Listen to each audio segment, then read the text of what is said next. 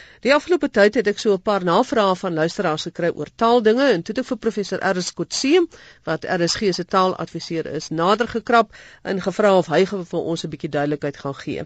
En een van die nogal 'n warm onder die krag eposse wat ek gekry het was oor die gebruik van skuinstreep vorentoe wanneer ons op RSG praat van www.rsg.co.za en dan iets anders skuinstreep vorentoe. En hierdie luisteraar sê dit is nie 'n mooi beskrywing nie wat van ander woorde, maar kom ons hoor wat sê jy professor Ernst Kotse, is daar 'n ander woord vir hierdie skuinstreep vorentoe? Ja, kyk, daar is uh, natuurlik 'n tamelike formele beskrywings waar ons praat van die solidus, die true solidus en die gewone solidus. Maar ehm um, Anton Prinsloo het uh, destyds voorstel gemaak wat ek dink as as hy kan begin posvat nogal maklik onderskeibaar is. Hy het gepraat van 'n ehm um, leunstreep wat nou vorentoe lê en 'n steunstreep wat, wat terug lê. Ek dink dit is twee um, moontlikhede wat 'n mens op die proef kan stel en die luisteraars daarvan hou en dit eh, kan begin toepas behoort hy nogal dink ek op die ou end te kan posvat. Maar iets so skuinstreep vorentoe wat doodgewoon net 'n beskrywing is, is ja, dit is dit noodwendig verkeerd? Hoekom kan 'n nee, mens nie so aangaan nie? Dit is ek dink dit is net 'n bietjie omslagtiger, jy weet as wat jy net net twee silabes gebruik soos leenstreep of steenstreep, backslash en jy weet dit is eintlik na aanleiding dink ek van die Engelse kortvorm vorme wat mense jy weet voel dat Afrikaans te omslagtig is in die opsig. Goed, die voorstelle wat hierdie persoon gemaak het is voorslag en terugslag, maar dit klink vir my baie na 'n slagveld. Ja, dit klink na 'n slagveld. Na die na die slagveld, so ek dink ons los ja. dit en ons kyk wat sê mense van wat jy nou gesê het. in elk geval. Ja. Dan die ander vraag wat mense het, ons praat baie keer van bring vir my 'n bakkie kos saam of ek bring ja. my my kos in 'n bakkie. Ehm um, mense sê dis 'n houer. Mense moenie van 'n bakkie praat nie. 'n Bakkie is 'n skuit op die water. Die woord bakkie het natuurlik 'n hele aantal verskillende betekenisse. Dit is eintlik homonieme. Die aanvanklike uiteensetting of die definisie wat in die WAT gegee is, uh, was weet 'n houer van van een of ander aard, maar dit is ook 'n houer. Met ander woorde, jy jy kan jy kan daaruit eet. Dit was was die aanvanklike um, weet soos 'n kommetjie ensovoorts. Maar dit is ook 'n visserskuitjie, dit is ook 'n ligte afleweringsvoertuig ensovoorts. Selfs ehm um, 'n snyersterm wat gebruik word weet om uh, dinge mee te stryk wat wat oor 'n plank gespan is. Dit noem hulle ook 'n bakkie. Uh ek dink dit is 'n natuurlike ontwikkeling dat 'n mens behouer, jy weet in die vorm van 'n bakkie ook 'n bakkie kan noem met met 'n deksel op. Uh, dis dis vir my regtig nie jy weet enigsins steurend of dit dit kan nie verkeerd wees om dit na die betekenis uh, verband te gebruik nie dan besigheid teenoor sake en hierdie ding kom baie na vore. Ek weet ons is vroeër geleer jy praat van sake geleenthede en sake belange. Ja. Maar eh, deesdae skryf al hoe meer mense en praat van besigheid en besigheidsbelange. Wat is die situasie? Die twee woorde word word taamlik aanvullend gebruik tot mekaar. Die oorspronklike vorm is saak in in Nederlands beteken weet wat ons ken as 'n besigheid. 'n uh, firma of 'n maatskappy en ehm um, van daar het ons dan ook om sake te doen, 'n sakeman, sakegebied, sakeblad, sakekolom, sake nuus ensovoorts. So daar is 'n tamelike paradigma van samestellings en afleidings van sake. Maar soos jy sê, jy weet besigheid uh, is miskien afhanklik 'n bietjie meer informeel gebruik na aanleiding weet van Engelse business, maar mense praat soos jy reg sê hy hy weet hy bedryf 'n suksesvolle besigheid. Ek dink 'n mens sal nie vandag sê hy bedryf 'n suksesvolle saak noodwendig. Dit is 'n bietjie verouderd half dink ek. 'n Laaste taalvragie is die woord pavement vir sypaadjie en daar is mense wat sê dit is 'n amptelike woord en ek wil my verstout om te sê dis ook in 'n woordeboek. Ja. Nee, dit is is inderdaad so. Ek dink hy is afkomstig waarskynlik dis eintlik 'n Franse leenwoord wat in Nederlands ook gebruik word. Maar ons het dit in reg tipies Afrikaanse woord sypaadjie wat ehm um, uh ek dink so hoë frekwensie dat pavement regtig waar baie gestileerd, jy weet en um, so 'n bietjie ja, ek dink hoogdrawend aandoen. Ek wil nou amper gesê dis net die skrywers en die digters wat dit sal gebruik, maar ek moet nou versigtig wees. Pyntrap. maar ek ek wil graag weet, miskien moet ek dit vir my taalgurus vra hmm. Eh, van die woordeboek, met wie ek altyd gesels, hoe op aarde het hulle toegelaat dat pavement in die woordeboek kom? Ek sal hulle ook vra. ons sal vir hulle voorstok moet kry. Goed professor Kotse om af te sluit, ja. ehm ja. um, watter belangrike sake het julle bespreek? Is daar enige besluite geneem? Ja, ek kan miskien net net twee dinge noem. Die eerste is ek dink dit was nogal 'n historiese um, sitting van die taalkommissie waar ons 'n nuwe bestuur gekies het. Ek het uitgetree as sowel voorsitter as en en as uh, lid van die taalkommissie na 20 jaar. En daar is ook twee ander kollegas wat ook op hierdie stadium by getree het, ehm um, professor uh, Anel Otto en Madeleine Du Plessis. En die nuwe bestuur wat gekies is, kan ek miskien vir jou deurgee, is uh, die nuwe voorsitter is Tom McLaughlin en as die struktuur is ook enigstens verander sodat daar twee ondervoorsitters gaan wees in die toekoms. Die een sal uh, verantwoordelikheid neem vir die vir die AWS en uh, alle weet forme daarvan terwyl die ander ondervoorsitter dan verantwoordelik sal wees vir die koördinering van die aktiwiteite rondom die opstel van 'n sogenaamde e-grammatika elektroniese grammatika van Afrikaans wat met die tyd op die op die internet sal kom en die twee persone wat daar gekies is, professor Johan Anker sal dan die uh, ondervoorsitter wees vir die AWS en professor uh, Gerard van Huisteen vir die e-grammatika. En dan dis die nuwe sekretaris uh, want uh, professor van Huisteen was voorheen natuurlik die sekretaris tot nou toe is Celine Pilon ook van die uh, Noordwes Universiteit. En ons het eintlik in, in hierdie sitting voortgegaan met die uh, met die sentrale werk waarmee ons besig is, naamlik uh, die hantering of die die die afronding, jy weet van byvoorbeeld uh daar's altyd 'n proses van nuwe voorstelle, ehm um, voorstelle vir opname, byvoorbeeld voorstelle vir wysiging van uh, inskrywings, voorstelle vir die skrapping van van sommige items omdat die taal voortdurend besig is om te verander en daar is ook behoeftes wat uh, navraag wat ons byvoorbeeld ontvang van uh, gebruikers Ehm um, en daaroor neem ons dan ook nou besluite. Nou ek kan nou nie weet 'n klomp dat 'n hele aantal van die goed wat geneem is. En uh, mens sou ehm um, weet op 'n stadium wanneer dit nou goedgekeur is uiteindelik want dit moet nog deur die akademie raad natuurlik goedgekeur word die die ehm um, die doele van hierdie vergadering op in die sitting dan sal dit dan ook beslag kry op die ou end weet in die nuwe AWS wat ons beplan om hopelik in 2013 die lig te laat sien. Een van die besluite is nie dalk dat huidigelik nou aanvaarbaar is nie. huidigelik aanvaar. Nee, ek dink daar's nog uh, taamlik uh, sterk sterk uh, teenstand teen hierdie gogga. Ons kan dit nie sien in die volgende woordlyse spelder. So ek moet sê ek sal saam beklei daarteenoor. Ja, ja. So Baie dankie dan professor Erns Kotse. Hy is van die Taalkommissie en ook 'n taaladviseur hier vir ons by RSG. En hy het nou verwys na Tom McLaughlin wat die nuwe voorsitter is van die Taalkommissie en ons praat ook nou met Tom McLaughlin oor iets anders, maar Tom net eers baie geluk met hierdie nuus so vars uit die oondheid. Baie dankie Magdalene. En ons hoop dat ons by die tale wat ons praat voortaan lekker gaan saamwerk met met jou in die Taalkommissie. Ek hoop inderdaad so dit sal gaan wees. Tom die so 2 of 3 sondae terug het ons gepraat oor die amptelike benaming van van plekke of van instansies spesifiek die SAIK ja. teenoor SABC en watter een is nou die amptelike naam of die regsnaam. En toe het jy daarop reageer en is, uh, jy is 'n kundige uh, op hierdie terrein en gesê nee, daar sekerre regsaspekte wat geld en daar sekere uh, dinge wat gedoen moet word as dit in die wet op 'n spesifieke manier geskryf word. Kan jy net vir ons kortliks sê wat is jou reaksie? Dit gaan wat my betref oor naamgewing in 'n groot mate. Nou in die geval van staatsliggame, kom ons sê net maar so staatsdepartemente of statutêre liggame wat deur die staat by wet ingestel word, het die staat die bevoegdheid om 'n naam te gee. Op die oomblik is die staat verplig om alle wette in minstens twee tale uit te gee dit hoef nie noodwendig altyd Afrikaans en Engels te wees nie, hoewel Engels in die praktyk altyd die uh, in die jongste dekade of wat altyd die deurslaggewende teks is. Die uitsaaiwet is wel ook in Afrikaans uitgegee. En daarin word baie duidelik gesê dat die korporasie, die die uitsaaier heet die Suid-Afrikaanse uitsaai korporasie. Wat eintlik eh, die verwarring veroorsaak is dat die drie bekende TV-kanale die name SABC1, SABC2 en SABC3 dra.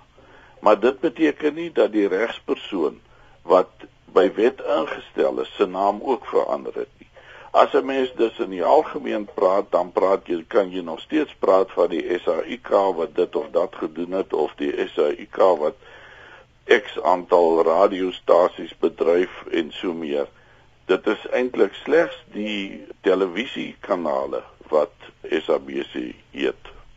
Net interessant, ek weet jy's nou nie 'n regskenner nie, maar as 'n mens nou die woord SAIK gebruik in regsdokumente, sê nou maar hier by die korporasie, dan kan dit nie die instansie benadeel nie want in die wet is dit Suid-Afrikaanse uitsaai korporasie. Ja, inderdaad, natuurlik as die as die dokument waarvan jy praat ook in Afrikaans is. Ja.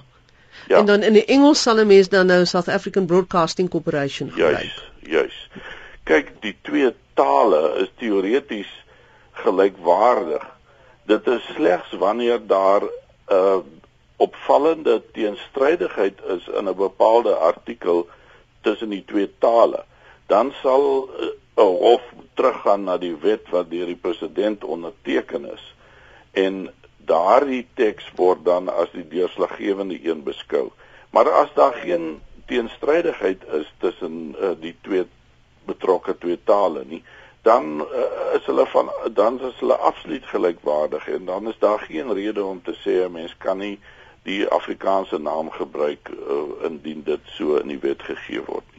So ek lei dan af dit geld ook vir vir ander name sê nou byvoorbeeld want ons het al in die verlede gepraat daaroor uh, spesifieke howe of uh, die konstitusionele hof teenoor grondwethof. Absoluut. Dit, dit is ook in die in die wet en dan moet mense dit so gebruik. Juis. Uh die interessante ding is dat die konstitusionele hof se naam is eintlik al gegee in 'n wet van 1995 wat toevallig in Afrikaans deur die destydse president geteken is. So in daardie geval is die Afrikaanse teks nogal die deurslaggewende teks. Die belangrikste ding is dat die die regstelsel eintlik benoem word in ons grondwet en daarin word die naam gegee konstitusionele hof. Dan nou sal mense aanvaar dat wanneer wette dan opgestel word dat op daardie stadium taalversorgers of taalkundiges seker ingeroep word. Wel 'n mens dit was in die verlede altyd so of dit altyd gebeur uh in die mate waarin 'n mens dit graag sou wou sien dit bly 'n oop vraag. Ehm um, ek weet byvoorbeeld dat in die wet wat uh, die hoë howe benoem is daar heelwat foute wat ehm um, kom ons sê net maar uh, spelfoute enerzijds en maar ook idiomatiese foute. In Afrikaans sal 'n mens by voorkeur 'n geografiese naam soos sê nou maar Wes-Kaap of Gauteng indien daar 'n byvoeglike naamwoord gevorm kan word sal jy dit by voorkeur gebruik. Maar in die betrokke wet sal hulle sê die Wes-Kaap Hoë Hof Kaapstad in plaas van wat 'n mens normaalweg sou sê Wes-Kaapse Hoë Hof En daar is sulke soort foute wat 'n mens baie keer laat wonder oor die gehalte van die taalversorging. Maar in beginsel word al die wette wel deur 'n taalversorger nagegaan. Dankie dan Tom McClaglin vir hierdie baie interessante inligting. Ja, is altyd vir my interessant hoe ons taal nie eintlik bestaan net uit taalreëls en voorsetsels en kappies en daardie tipe van dinge nie. Was baie ander vertakkings, nie net van Afrikaans nie, maar wat waar is vir enige ander taal in die wêreld en altyd vir my interessant om 'n bietjie van daardie dinge te verneem. Net voordat ek groet, is dit nou tyd vir ons taalspeletjie saam met Gerard van Huisteen en vandag gaan hy vir ons laat klank. Welkom by nog 'n aflewering van die taalspeletjie hier op die tale wat ons praat. Goeiemôre, ek is Gerard van Huisteen. Nou vanoggend speel ons 'n speletjie wat ek noem klink klank. Ek sê hoe die woord klink en jy moet hom klank.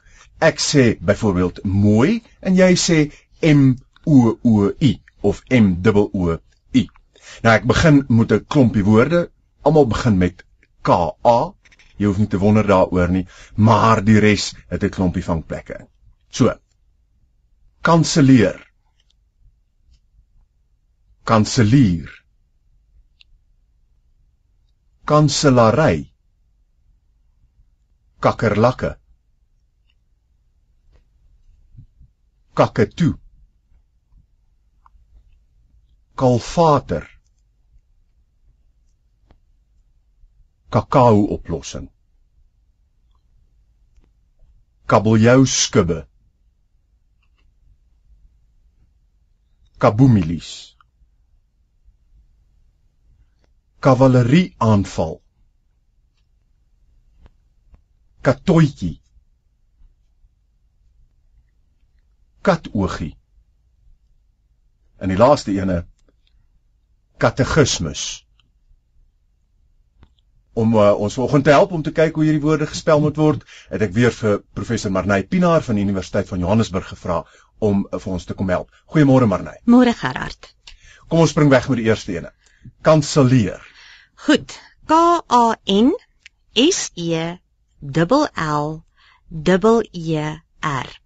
En as ek net gou-gou iets daaroor kan sê, as 'n mens hom met 1 L spel, dan's dit kansel eer, met ander woorde respek vir die prediker. En met 2 L gaan dit afhang van hoe jy hom uitspreek. Kanselleer gaan beteken, wel, dit ons kan onderskei tussen die leer wat op die kansel is, 'n kanselbekleedsel, of dan kanselleer, met ander woorde om 'n afspraak tot 'n einde te bring of om iets te kanselleer.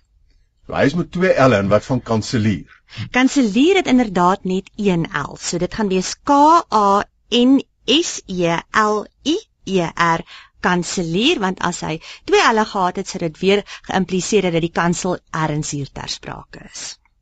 Kanselary hou dan verband met kanselleer. K A N S E L A RY in die betekenis van daai woord is ook gekoppel aan 'n konsulaat. Met ander woorde, die soort mens kan praat van ehm um, kanselary taal byvoorbeeld of kanselary styl, wat die soort amptelike verhewe styl is wat 'n mens byvoorbeeld by 'n ambassade of 'n konsulaat spesifiek sal gebruik. Nommer 4, kakkerlakke. Goed, hy twee K's. K A K K E R L A K K E, kakkerlakke. En sy vangplekkie is saam met kakatoe wat ook 'n kort A het en hy is K A K E T O E. En dis natuurlik baie dikwels te doen met die herkoms van woorde. Kakkerlak byvoorbeeld kom uit Portugees uit en kakatoe kom uit Maleis uit. So dikwels het ons met daardie inkonsekwenthede as gevolg van die brontale waaruit hierdie woorde kom. Die volgende een is kalvater.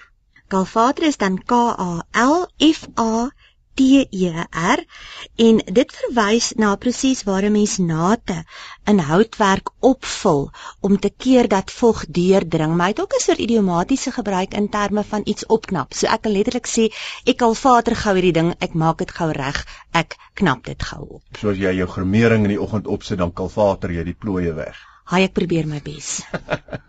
en hierdie kalvater het niks te doen met klein koetjies en billetjies en so nie. Nee nee nee.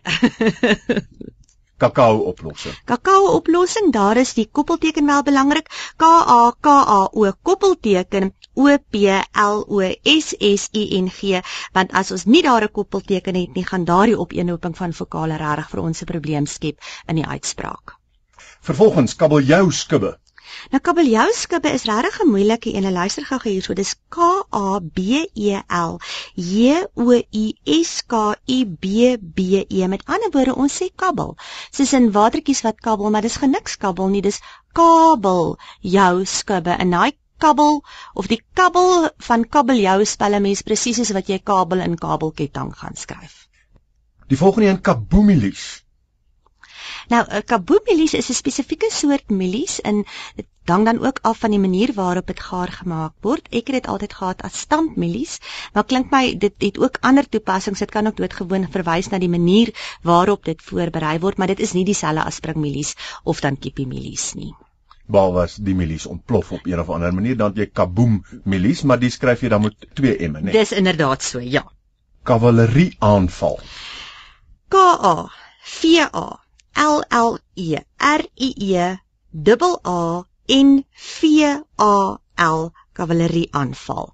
En daar het ons nie 'n koppelteken nie want daai kavalerie, die rie in die aanval gaan nie vir ons se probleme gee in terme van uitspraak nie. En dit kom uit die volgens my uit die Frans cavalier oorspronklik van die Latyns caballarium wat met eh, 'n uh, ruiter was want 'n caballus is 'n perd. Dis reg, dis reg.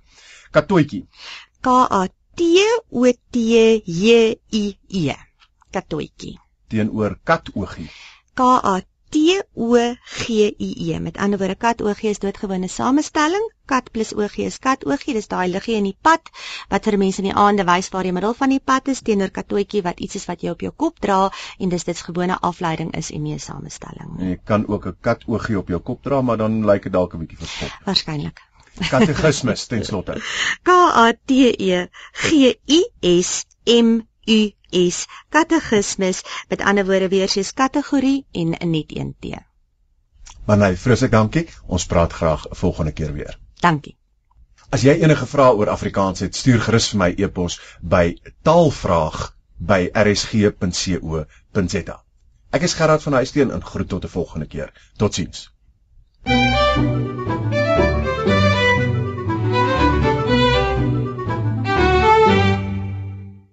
Dankie Gerard van Huisteen vir vandag se lekker klankles. Ai, mens verlang terug na jou skooldae en ek is nog altyd iemand wat glo dat die basis van goeie taalgebruik later in jou lewe is daai fase waar jy klank om woorde te leer. Maar ja, dis maar my leuke opinie. Ek groet tot volgende Sondag wanneer ons weer taaldinge gesels.